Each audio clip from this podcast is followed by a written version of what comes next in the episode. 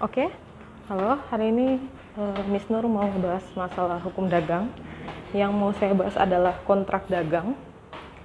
Jadi kontrak atau offer and comms itu dia uh, perjanjian atau kesepakatan antara dua belah pihak atau lebih. Nah, di hukum dagang ini diperlukan kontrak dagang untuk mengatasi gitu ya adanya resiko-resiko potensial dalam perdagangan internasional yaitu bisa jadi resiko dalam bidang transportasi, resiko kredit atau non pembayaran, resiko nilai tukar mata uang, resiko mutu barang, resiko peristiwa tidak terduga sama resiko hukum. E, jadi kalau kita ngomongin kontrak dagang itu ada salah satu e, pembahasan ya berkenaan dengan pembayaran dengan sistem kredit berdokumen.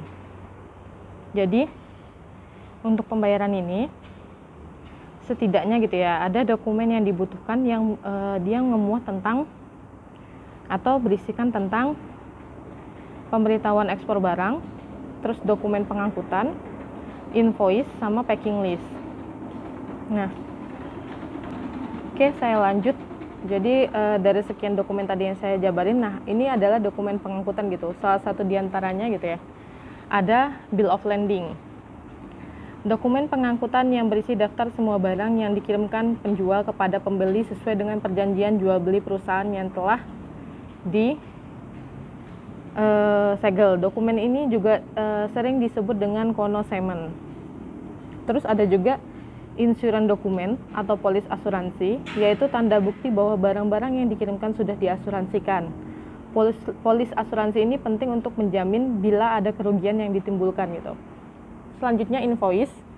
Jadi ada komersial invoice atau faktur invoice, yaitu dokumen dari penjual sebagai lampiran dari bill of landing yang berisi catatan-catatan barang yang dikirimkan beserta harganya di tempat penjual. Tadi kan saya bilang komersial invoice ya. Nah, invoice ini sebenarnya ada satu lagi jenisnya yaitu konsular invoice. Konsular invoice itu dibuat dan ditandatangani oleh konsul dagang dari negara pembeli yang berdomisili di negara penjual. Certificate of Origin, yaitu surat keterangan asal barang yang dibuat oleh kamar dagang di negara penjual dengan tujuan untuk menjamin keaslian barang yang bersangkutan.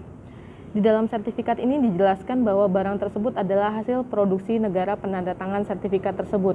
Sertifikat of origin ini fungsinya dia buat jadi uh, dasar gitu ya penjamin kualitas dari barang yang diperdagangkan. Packing list, daftar tentang satuan barang kiriman yang dibuat oleh bagian pengepakan. Jadi packing list ini berisi nomor kode barang, berat masing-masing barang, ukuran barang. Nah, dia juga uh, setelah tadi kan identitas barangnya gitu ya udah juga ada berat masing-masing tapi dia ada lagi weight list yaitu daftar timbangan barang-barang di pelabuhan muatan. Uh, ketika kita bahas kontrak dagang kita bahas kesepakatan tadi juga ada pembahaya, pembayaran dengan sistem dokumen kredit gitu ya ini sekarang ada beberapa metode gitu yang dilakukan dalam pembayaran di dunia perdagangan. Ada advance payment pembayaran pembelian di muka jadi dia sebelum barangnya sampai tapi udah dikirimkan. Nah, kalau advance payment ini kenapa biasanya eh, pihak ada yang minta seperti ini? Karena biayanya biasanya dipergunakan untuk produksi atau penghasilan barang atau sebagai modal. Ada juga yang open akun, pembayaran pembelian di belakang. Pembayaran dilakukan pada suatu waktu setelah barang dikirim. Ada consignment atau konsinyasi, yaitu pembayaran yang dilakukan setelah barang laku dijual oleh pembeli. Ada collection atau inkaso. Pembayaran terjadi setelah penjual mengirim dokumen pengapalan yang dikirim kepada pembeli sebagai alat penagihan. Sama ada letter of credit. Letter of credit adalah sistem pembayaran dengan jaminan kredit dari bank atas permohonan pembeli. Pembayaran dilakukan setelah dokumen yang diminta diserahkan oleh penjual dan telah diperiksa kebenarannya oleh insuing bank. Oke, mungkin itu podcast saya gitu ya, singkat, eh, padat dan jelas gitu berkenaan dengan kontrak dagang. Terima kasih sudah mendengarkan. Semoga podcast ini bisa bermanfaat.